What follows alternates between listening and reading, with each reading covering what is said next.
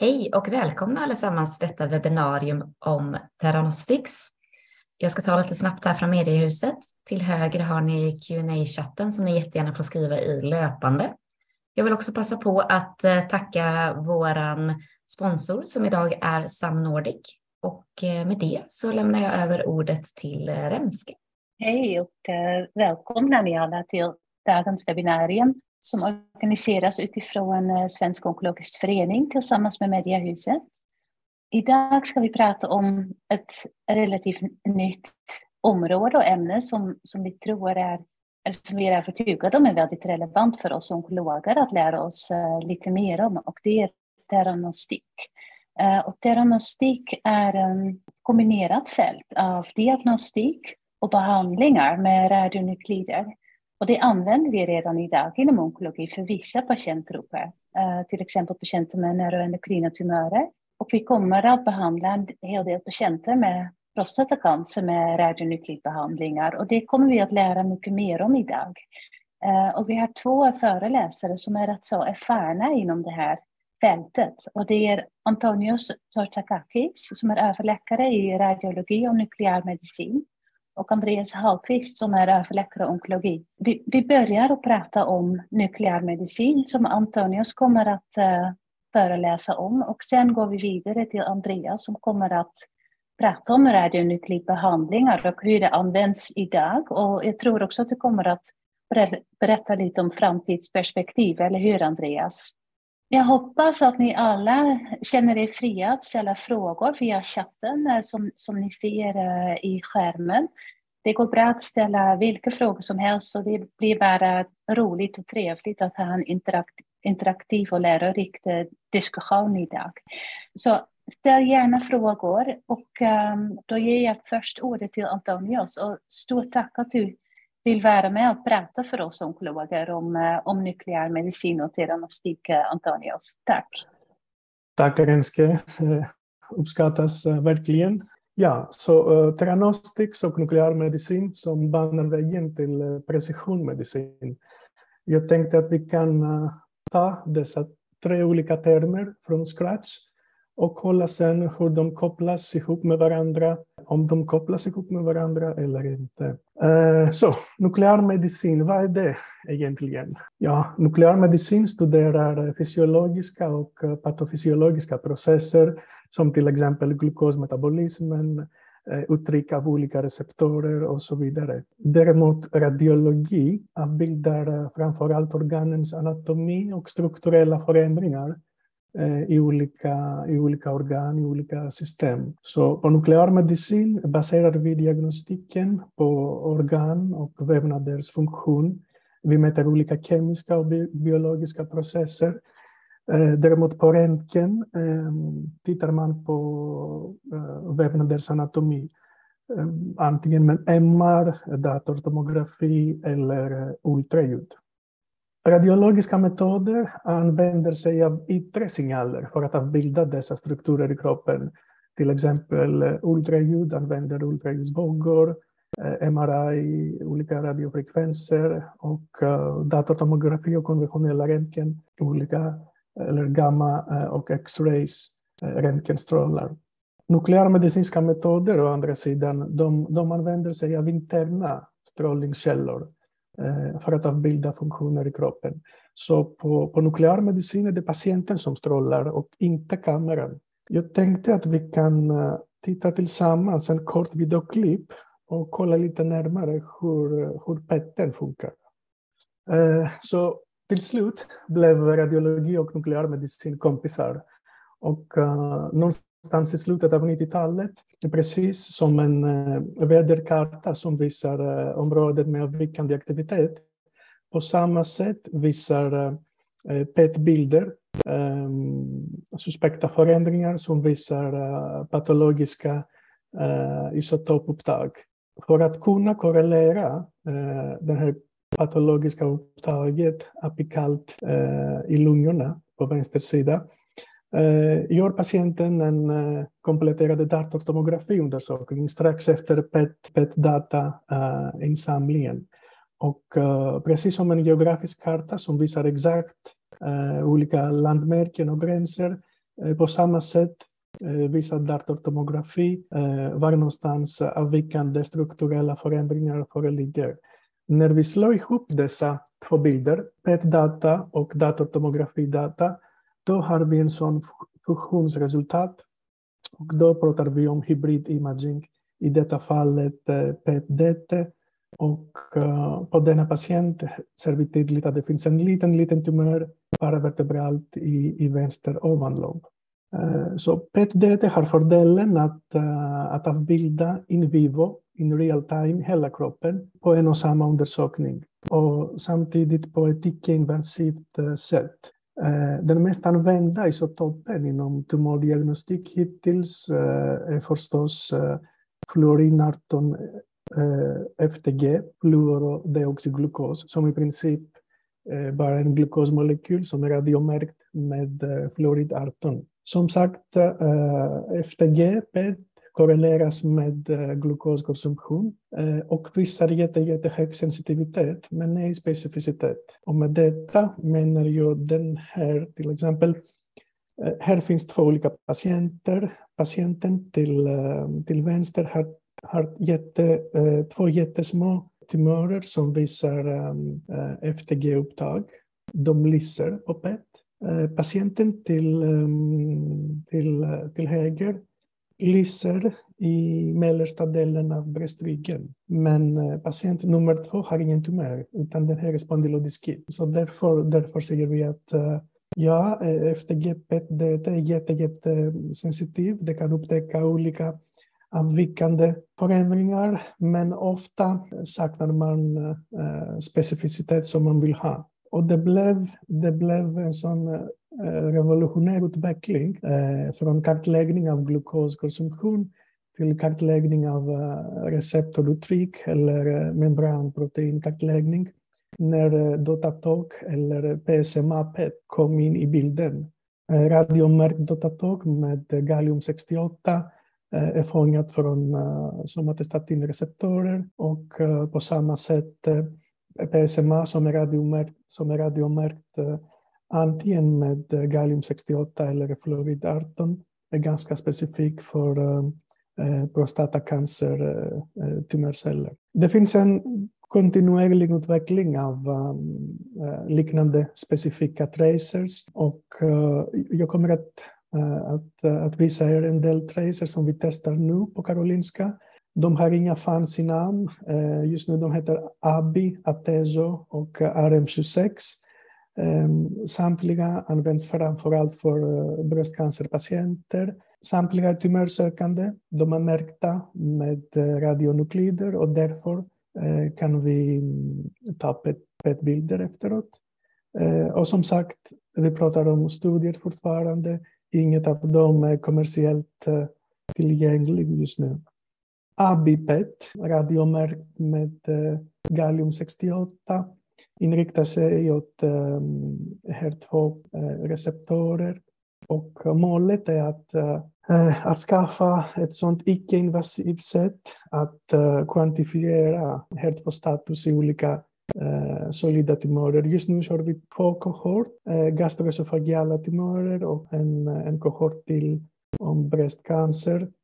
Och vad vi vet hittills är att eh, en sån ABIPET kan guida på något sätt eh, patientens behandling. Den här bilden visar två olika patienter, eh, patient alfa 1 och patient B1. Båda två har extensiva bröstcancermetastaser och de gjorde deras FTG-PET som visar faktiskt den här utbredningen av, av metastaserna. Patient alfa 1 gjorde också en, en sån eh, ABI-PET och då visades inga patologiska eh, eh, ABI-upptag. Och således klassas denna patient som HER2-negativ. Däremot patient B1, när, när hon gjorde sin, sin ABI-PET, då fanns det massor med patologiska ABI-upptag i, i olika delar av, av, av kroppen. Så patient B1 var en sån HER2-positiv patient.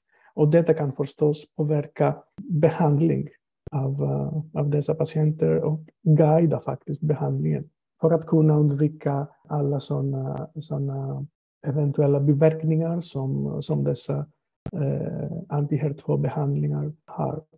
En annan studie som uh, siktar mot uh, prote, prote, uh, program DEath, ligandet antikroppar, uh, heter Atezo-studie, uh, Atezo-PET, och då är substansen markerad med 89 synkronium. Och uh, hypotesen med denna studie är att en, en sån Atezo, whole body PET-DT, kan bli en en eh, eh, konkret eh, och pålitlig biomarker för att kunna selektera patienter med trippelnegativa mm, metastaserna som kommer att få ehm, att, att, kunna, att kunna få bättre resultat när vi, när vi, när vi lägger till PDL-1 antikroppar i deras behandling. En tredje studie som pågår nu eh, kallas för RM26-studie. Det är faktiskt en sån first in human-studie som eh, försöker att kartlägga eh, gastrin-releasing peptide-receptorer i olika typer av cancer.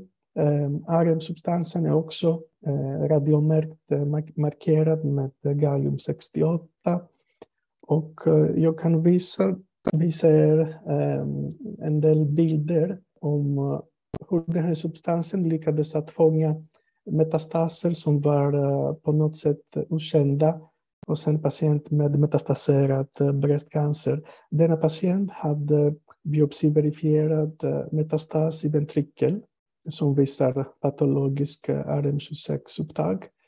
Men sen hittade vi små fokala upptag i kutkroppen TH8 och i krista iliaka på höger sida.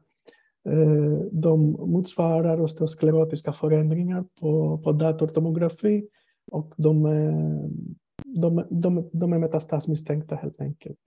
Så vi har dessa, eh, dessa nya substanser under utredning nu. Vid mätning av dem med eh, en betastrålare kan den eventuellt användas för eh, radionuklidterapier i framtiden. Och på detta sättet banar man eh, vägen till precisionmedicin och Theranostics. Ehm, som Renske berättade, Theranostics den kombinerar term det är klart att det fanns eh, stora debattartiklar och stor debatt om, om rätt eh, benämning. Är det theranostic eh, eller theranostics, plural, eller theragnostics. All Greek to me indeed. Um, om, jag ha, om jag kan ha uh, åsikter i ämnet. Uh, mest korrekta form uh, skulle vara therapognostics. Men jag, jag erkänner att theranostics låter mer eh, låter bättre på, på något sätt. Så när vi pratar om Theranostics, eh, vi, kopplar, vi pratar om den här kopplingen mellan diagnostiska biomarker, biomarkörer och eh, terapeut, terapeutiska eh, substanser som, som har samma target i tumörcellerna. Old concept, modern approach. Det här konceptet att kombinera diagnostik och terapi fanns länge sedan. Till exempel alla sådana olika eh, immunohistokemiska färger eh, eller färgningar för HER2-receptorer eh, i bröstcancer som, eh, som selekterar patienter och guidar behandlingen. Det är någon form av eh, teranostik. Men eh, själva, själva termen theranostics introducerade någonstans i, efter millennium och då är det mest associerat med olika in vivo nukleärmedicinska eh, onkologiska applikationer. Konceptet som sagt är ganska enkelt. Vi har en targetcell, en tumörcell med sina, sina receptorer. Vi radiomarkerar eh, substanser som, som är fångade från dessa receptorer. När eh, radiomarkeringar eh, är gjord med en, en sån gammastrålare, då, eh, då avbildar vi patologi när vi markerar substanser med eh, alfa eller betastrålare, då använder substansen som en eh, behandlingsmedel också. Och dessa, eh, dessa, dessa substanser med olika radio, radio, radiomarkörer kallas för theranostic pairs, som till exempel Vi har ja, gallium 68 PSMA och sen lutetium, lutetium 177 PSMA som kan räknas som en sån teranostic PR. Andreas kommer att eh, berätta mer om radionuklidterapier snart.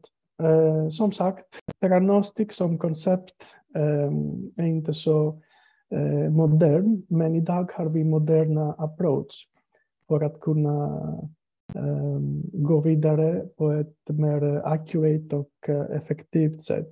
Till exempel eh, radiodinbaserade diagnoser, Ehm, eh, terapirespons och uppföljning av eh, differentierad tyroidea cancer kanske den första diagnostiska system som är välfungerande och eh, det har varit i marknaden i, i flera år nu. Någonstans här ska jag lämna mikrofonen till Andreas som kan fortsätta med radionuklidterapier och lite mer konkreta exemplar. Jag vet inte om det finns frågor nu eller om vi, om vi tar dem efteråt. Tack Antonius. Men det kom en väldigt nukleärmedicinsk fråga som ja. du säkert kan svara på.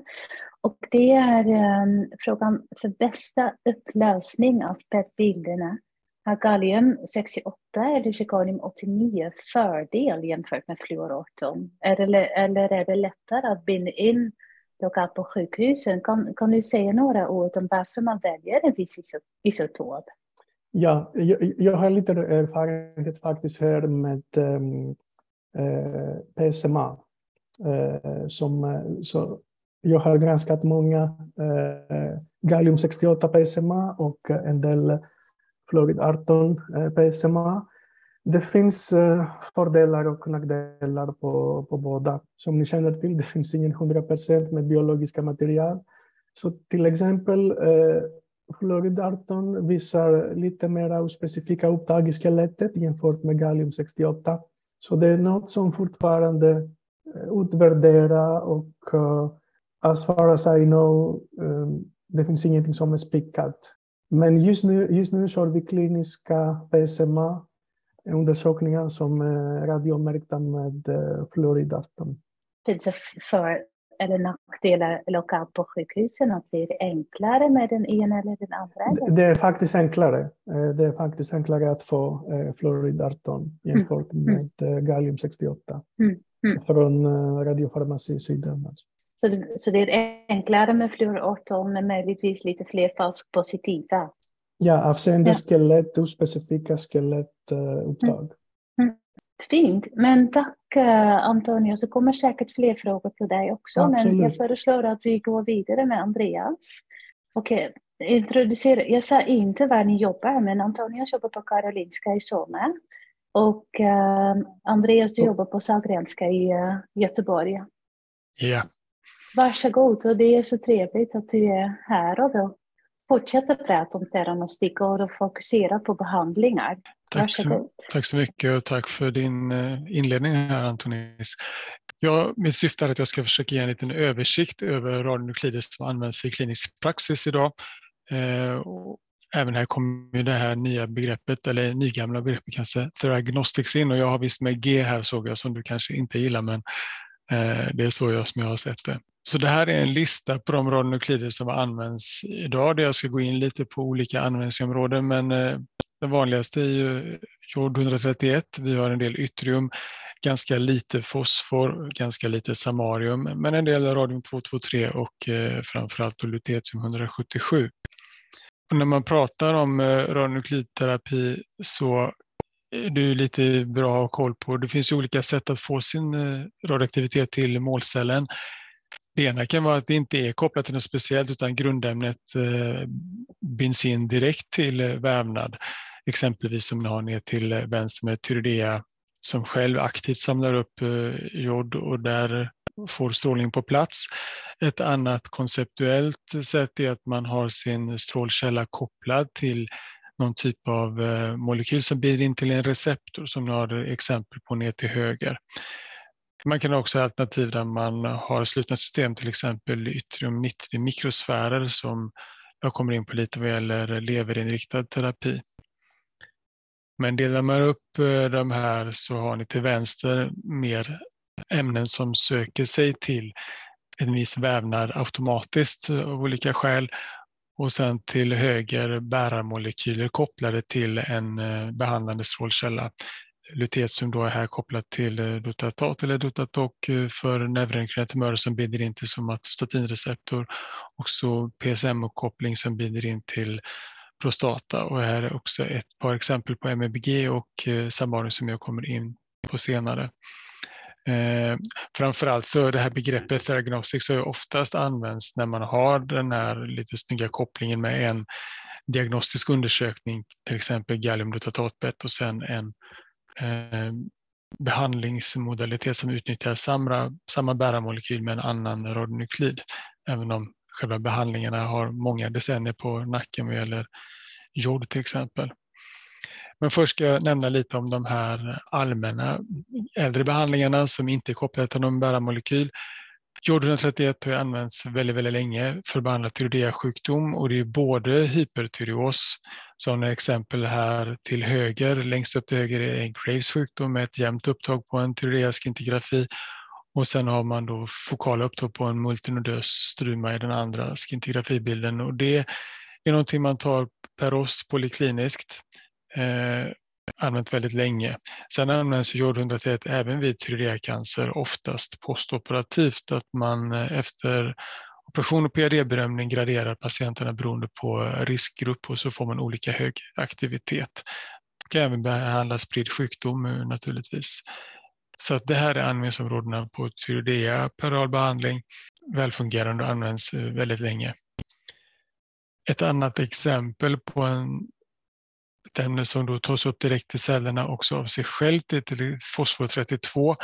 Används inte så ofta nu längre men eh, fungerar mot polycytemia vera och essentiellt rumpocytopeni är faktiskt effektiv och väldigt atoxisk så skulle nog kunna användas mer men nu finns det mycket tablettbehandlingar som eh, används istället. Men enkel behandling inkorporeras i DNA och eh, inte mycket tox, men man kan ju potentiellt få en del benmärgstox och på ett par andra organ, men fortfarande en viss användning även om det är ganska lågt nu. Nästa grupp eh, vill jag visa genom den här bilden, för här har ni ett periodiskt system och som ni kanske kommer ihåg från lite skolfysik så är det så att de som ligger i samma kolumn har ju liknande egenskaper och här ser ni i den röda ramen så har ni kalcium som har liknande egenskaper som radium längst ner. Och det leder till verkningsmekanismen för eh, nästa bild där radium 223 betraktas av kroppen som kalcium och därav eh, fäster i skelett under uppbyggnad. Så att i metastaser kan man behandla med radium 223 så får man inbyggnad av denna isotop i eh, metastasnära vävnad i ben och därigenom eh, får man strålningen på plats. Och det som är lite speciellt med radium 223 är att detta är en alfastrålare till skillnad från nästan alla andra behandlingar som är betastrålare. Så till höger har ni ett exempel på att det är en tung partikel, tung alfapartikel som ger högre chans för dubbelsträngsbrott och eh, detta är svårare att reparera jämfört med de mer vanliga enkelsträngsbrotten. Ehm, så där var ju radion 223 lite nydanande när det kom. Det var också lite speciellt att man faktiskt via Alsymka-studien här visade förlängd överlevnad genom att ge radium 223 jämfört med placebo till patienten med skelettmetastaserad prostatacancer. Eh, och som ni ser till höger i den nedre bilden så förlängde man även tid till eh, skelettrelaterad händelse. Så då fick man en viss användning. Sen som ni kanske känner till också så begränsade EMA-indikationen senare på för man fick data från kombinationsstudier där man hade en del toxicitetsproblem.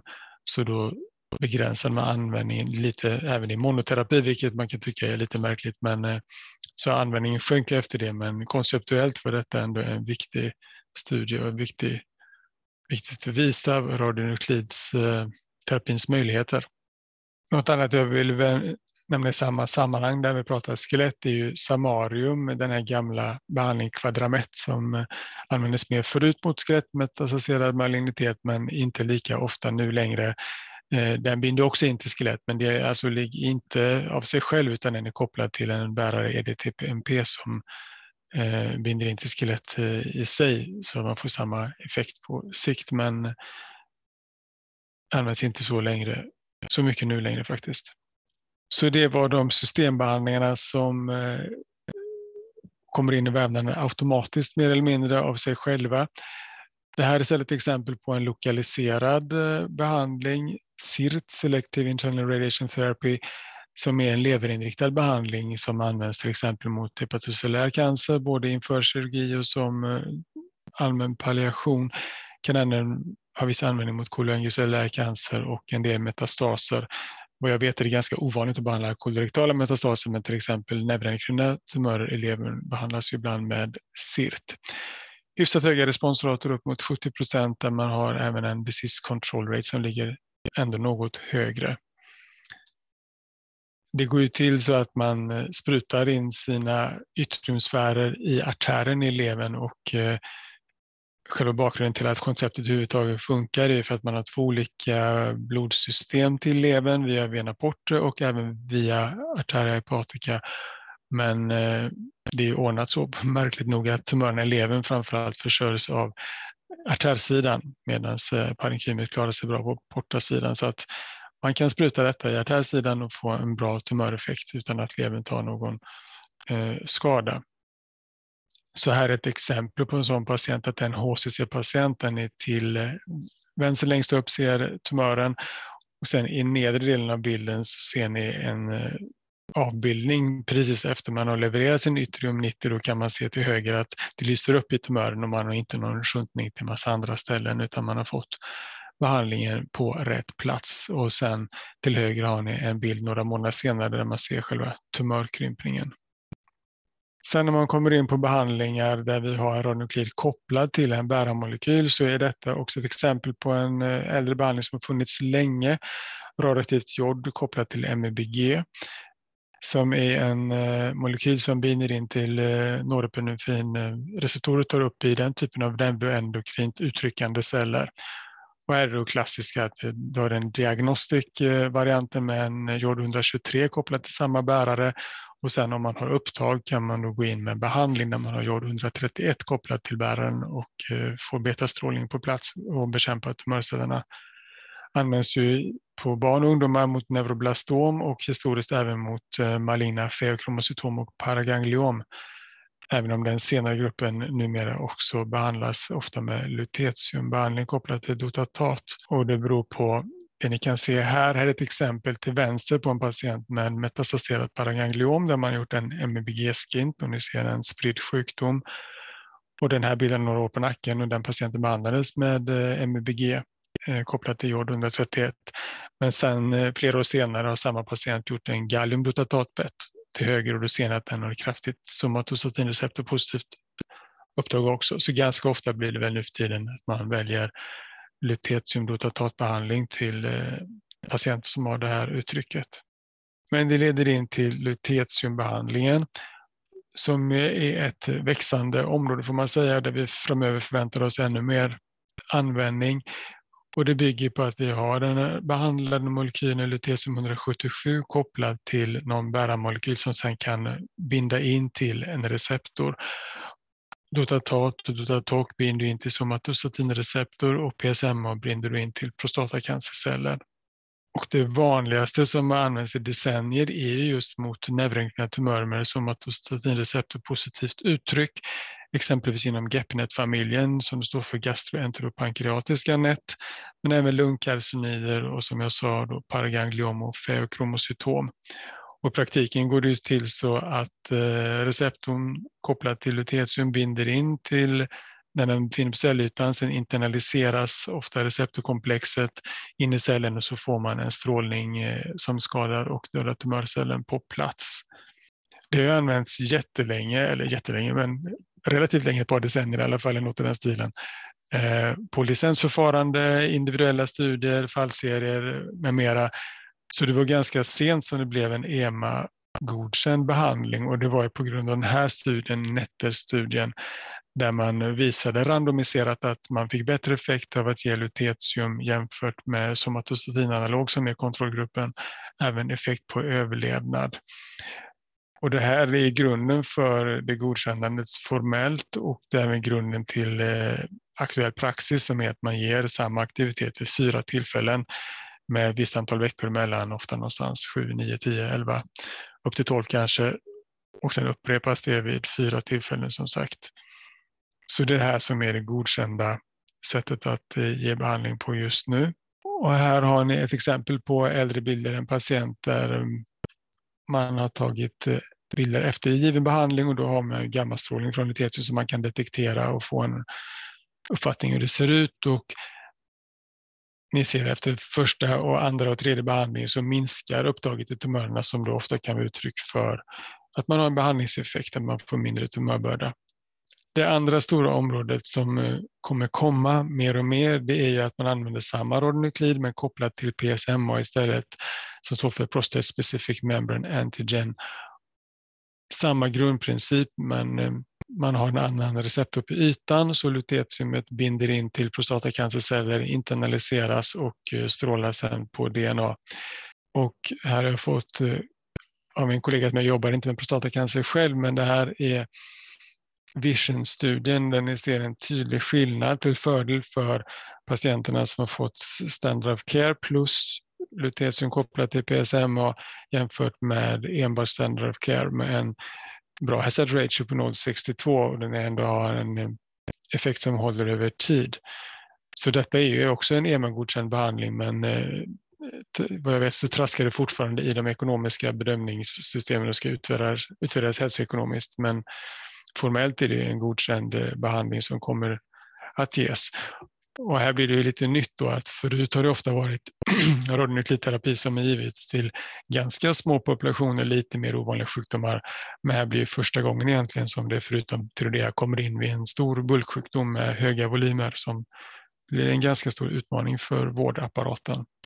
Här ser ni exempel på åtta patienter som har behandlats med lutetium kopplat till PSMA eh, där ni har vänsterbilden i varje ruta är före behandling med metastaseringen och sen en senare bild där man ser eh, i stort sett utsläckta upptag så att eh, det är väldigt lovande data och eh, som sagt randomiserat bevisat så att detta blir en växande koncept. Sen lite framtidsspaning då som Renska var inne på. Då kan man verkligen fråga sig om det är det bästa för alla patienter med one size fits all, det vill säga att man nästan alltid i det formellt godkända ger exakt samma aktivitet och man ger det till lika, lika många gånger oavsett patientfaktorer och tumörfaktorer. Och det är nästan intuitivt att om man har en, patient, eller en tumörsituation som till vänster exempelvis med väldigt, väldigt utbredd spridning, hög tumörbörda jämfört med den patienten till höger som visserligen har spridd sjukdom men ganska få upptag så är det sannolikt inte så att det är det absolut bästa i exakt lika mycket till båda patienter. Man kanske kan optimera terapin på olika sätt. Och det är ett forskningsfält får man säga. Man kan ju diskutera olika teoretiska möjligheter till hur man ska kunna öka effekten av behandling. För saken är den att eh, när man jobbar med detta så jämfört med många cancerbehandlingar så är detta en atoxisk behandling. De är väldigt lite sjukhusbundna, de eh, har lite toxicitet så det finns ju utrymme för att lägga på någonting för att öka effektiviteten. Och rent teoretiskt kan man ge kombinationsbehandling, kanske med en PARP-hämmare för att eh, förhindra tumörcellernas eh, reparationsförmåga. Det är redan gjort mindre studier på kombination med cytostatika som visar att det är möjligt att ge tillsammans. Man kan spekulera till att man kanske skulle ge fler antal cykler till vissa patienter kanske högre aktivitet per cykel eller att man skulle ge en individuellt anpassad aktivitet eller antal cykler beroende på någon patientfaktor.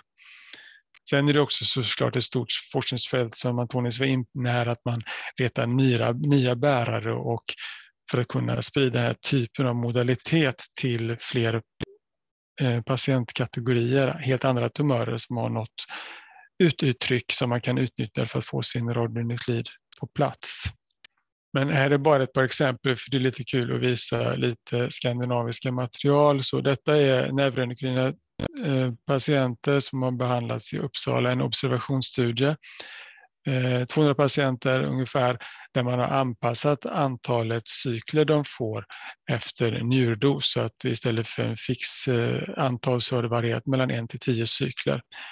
Och då kan ni se längst till höger att Overall survival, den blå kurvan, är högre om man har kunnat gå upp i dosen njurarna till exempel, än om man inte kunde nå måldosen. Det påverkas även av eh, KI67, hur proliferativ tumören är längst ner och även vad man hade för respons initialt eh, påverkar prognosen. Så att det finns många individuella faktorer att eh, ta hänsyn till och använda för att utveckla terapin ytterligare. Och som en bekräftande studie kan man nästan se det som så har vi Illuminat-studien som genomfördes i Göteborg och eh, Lund med eh, 94 patienter. Liknande upplägg som att positiva tumörer eh, oavsett grunddiagnos där man också gav radionuklid beroende på dosen till njurarna så antalet cykler kunde variera. Och eh, det är väldigt liknande respons och överlevnadsdata. Men även här kan ni se att tendensen är att de som får högre dos till njurarna har högre PFS och eh, även KI67 påverkar ner till höger så att man har mer överlevnad vid en lägre proliferativ tumör, vilket naturligtvis är logiskt, men det kan också hända att då kanske inte alla ska behandlas på exakt samma sätt. Man kanske ska öka aktiviteten i sin behandling med kombinationsbehandling genom till och med högre KI67 och kanske kan hålla en eh, mer traditionell approach för dem med lägre till exempel.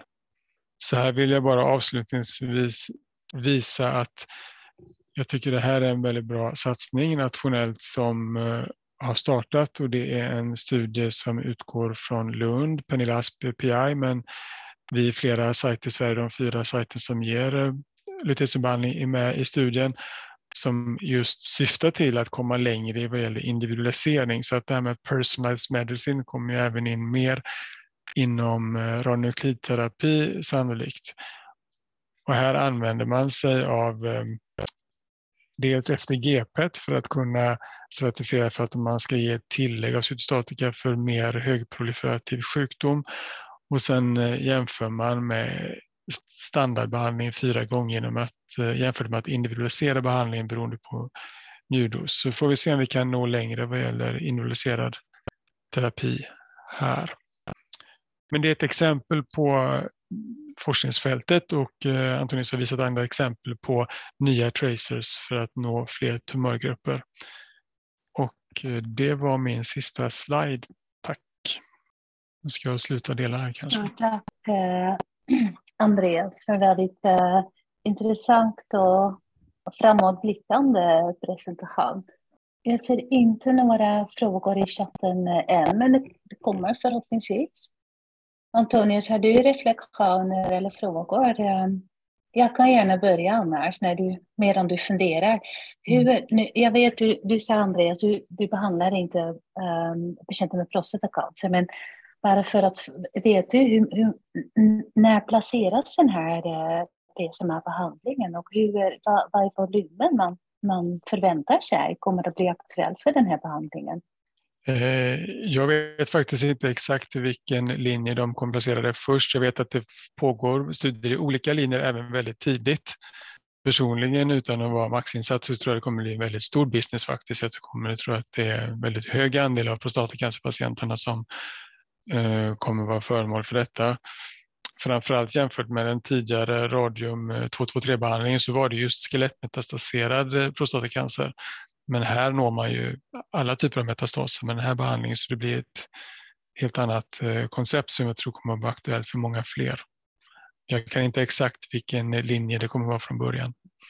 Nej, jag, kollade precis på, uh, på hemsidan, men, men det är patienter som har behandlats med antihormoner och som har fått en eller två eh, taxanschema. Mm. Så, så, mm. de har, så det är patienter som har, som har blivit förbehandlade som, som um, inkluderades i Vision-studien. Mm. Men som, som du nämnde, det, det, är ju tidigare i sjukdomen också som studie pågår. Mm.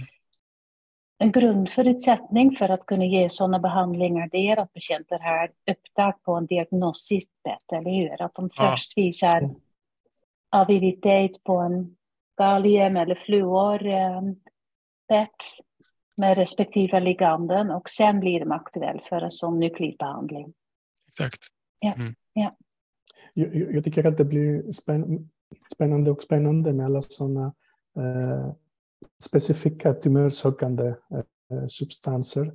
Um, jag tänker ofta att det kan vara uh, kritiskt, den här tumörheterogenicitet som mm. ofta förekommer. Mm. Um, och hur ska vi lösa den här uh, problematiken? Jag misstänker att FTG-PET kommer alltid att finnas i bilden, trots att den är inte tumörspecifik. Men uh, man kommer alltid att, att, ha en översikt om tumörspridningen även på, på, på FTG-PET. Um, så, så vi kastar ingenting. Nej, man kommer bara göra fler och fler undersökningar säkert. Nej, men just det där att det är viktigt, ibland ser vi diskodanta upptag, att man kanske har upptag på gallium och FTG som inte överlappar alls. Mm. Och då behöver man ju tänka kombinationsterapi eller tänka på annat sätt för att nå alla kloner. Så att jag tror också att komplementerande undersökningar mm. kommer vara fortsatt viktigt ibland. Och jag, och jag vet att det finns studier nu, eller försök till studier med dual tracers. Mm. Alltså eh, i samma seans. FTG plus något annat till exempel. Eller PSMA plus RM26 eller whatever. Tror ni att, att vi kommer att kunna bli av med tumörbiopsier? Hoppas det. uh, jag känner mig inte lika... jag tror att man kommer... Alltså precisionsmedicin utvecklas för även så man kommer nog vilja ha tumörmaterial för mm. att leta eh, i sina breda paneler efter annat mm. också, även om eh, det här är jättebra just med diagnostiken här med tracers för man får en blick över mm. hela patienten. Mm. Biopsin är ju en liten, liten, liten del av en tumör så att eh, komplement tror jag på. Mm. Absolut. Men möjligtvis att vi, att vi slipper upprepade biopsier, eller hur? Precis, det kan det vara kanske. Mm. Inte bara det, utan uh, vi kan uh, guida på något sätt biopsierna. Mm. Inrikta biopsierna. Mm. Uh, enligt, enligt svaret från uh, PET. Och, då, och då behöver vi väldigt nära samarbete för att kunna stämma av och bolla sådana mm. dilemmor och och behandla patienter så individualiserat och skräddarsytt som möjligt. Vad, ehm, Andreas, vad tror du blir nästa stora framsteg med radionuklidbehandlingar? Personligen så hoppas jag lite på kombinationsbehandlingar och för att förbättra för fler. För även om detta är en bra behandling och den är ganska toxisk så är det trots allt så att alla patienter eh, progrerar till slut och en mm. del har ingen effekt. Så att eh, jag tror och hoppas att vi kommer se optimerad behandling i och med att eh, det finns utrymme för det för att de har inte mycket besvär. Så att det tror jag hoppas på och sen som sagt att det ska kunna nå fler tumörgrupper för att det är en bra behandling. Som, de, som jag sa, de är inte mycket på sjukhus och de eh, klarar sig fint så att jag hoppas att det skulle kunna hjälpa fler än bara de här som vi har nu då med neuroendokrina och snart mycket prostata. Mm. Andreas, kan man flytta erfarenheten eh, från extern radioterapi till, till sådana radionukleidterapier som, som kommer? Eller är det något helt, helt annat som till alltså exempel dos, dos, doserna och ja, det, ja, precis, det kan man debattera om. Det är rätt så olikt egentligen. Man använder ofta, historiskt kanske man använder en del toxicitetsdata från extern terapi och försökt översätta till eh, vad det mm. skulle motsvara i radionuklidterapi. Men det är, egentligen är det väldigt skilt så att man behöver nog kartlägga det på radionuklidsidan egentligen. Det är stor skillnad att leverera en dos med en maskin under ett liten kort tid mot att ha det i kroppen och det ligger mm. så att säga, och strålar en längre tid också. Så att Visst stöd har man nog och det har använts att man har utnyttjat eh, toleransnivåer framförallt från externsidan till göra bedömningar på rörnuklidsidan men det är ju inte riktigt sanningen tror jag inte. Ja. Fråga från chatten. Um, ni får vara båda försöka svära på den. Det är vilka faktorer bör man tänka på vid val av beta eller alfastrålare för behandling eller klinisk studiedesign?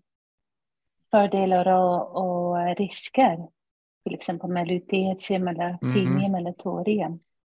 Nu har vi alltså, inte bjudit in en fysiker. Och för jag tror att en fysiker väl, skulle vara bäst att svara på det Jag får am amatörsvara här lite grann. Mm.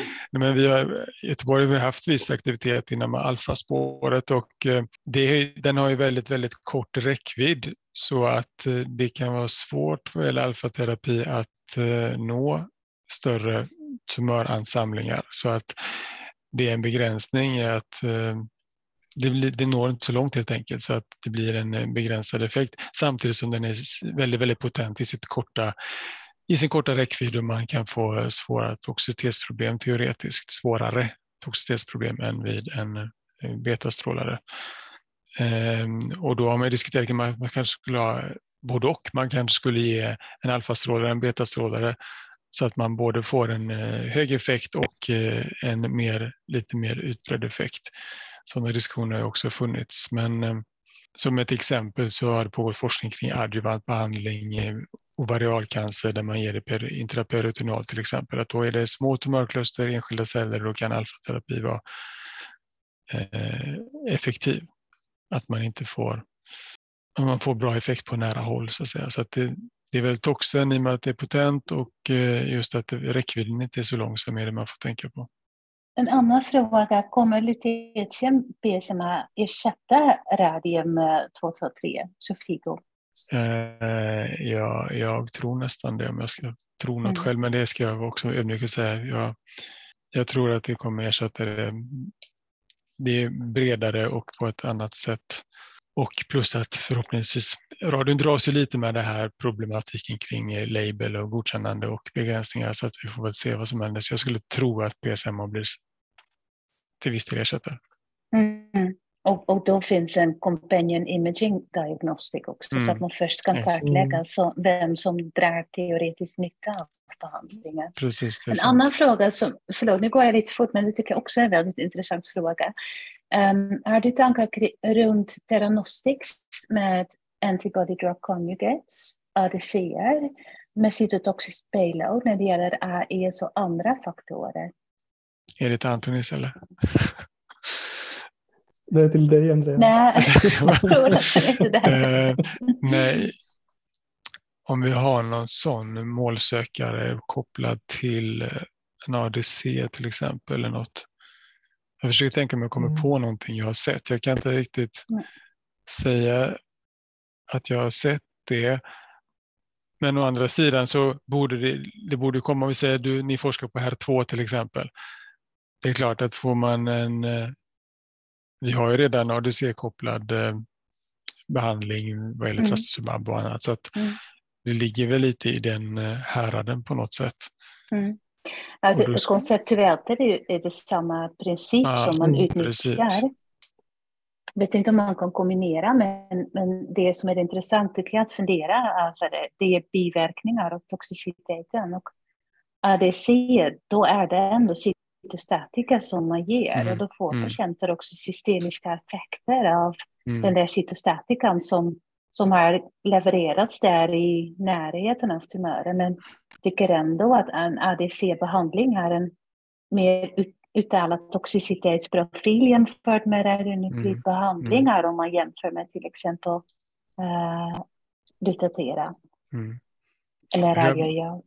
Men det är klart, det låter också som en framtidsforskningsfråga att när vi har de här ADC som är kopplade till antikroppar att man kanske kan komma lägre prognostiskt genom att göra diagnostik innan som är baserad på R2-uttryck, till exempel det ni tittar på. Så att man kanske kan selektera ja, patienter inom den gruppen beroende på vad man hittar. Det är väl en av hypoteserna av studierna mm. som, eh, som Antonis eh, drog. Mm.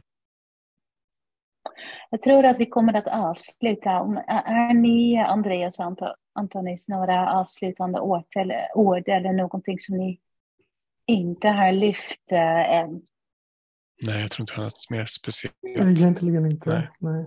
All, äh, mitt mejl finns på presentationen äh, ifall någon äh, har några extra kommentarer eller några mm. frågor eller idéer. Mm. Allt är välkomna. Vad fint. Tack. Men då vill jag tacka er så mycket alltså, Andreas och för väldigt utmärkta och uh, lärorika, inspirerande föreläsningar om ett fält som vi kommer att jobba med mycket mer, alla vi onkologer. Det är jag helt övertygad om i en när framtid. Eh, och tack till er alla som var uppkopplade och eh, tack till Mediahuset som hjälpte mig att ordna alla tekniska saker. Um, och då avslutar vi för idag. Nästa webbinar det blir den 28 mars. Då kommer vi prata om uh, melanom. Tack för mig. Tack, Tack. så mycket. Hej då. Tack. Hej då. Tack till alla som har tittat och eh, glöm inte att gå in på vår hemsida medevents.se onkologi för att eh, anmäla er till våra kommande webbinarium från SOFF. Jag vill också passa på att tacka vår sponsor igen som idag var Sam Nordic och önskar er en fortsatt trevlig eftermiddag. Ha det bra!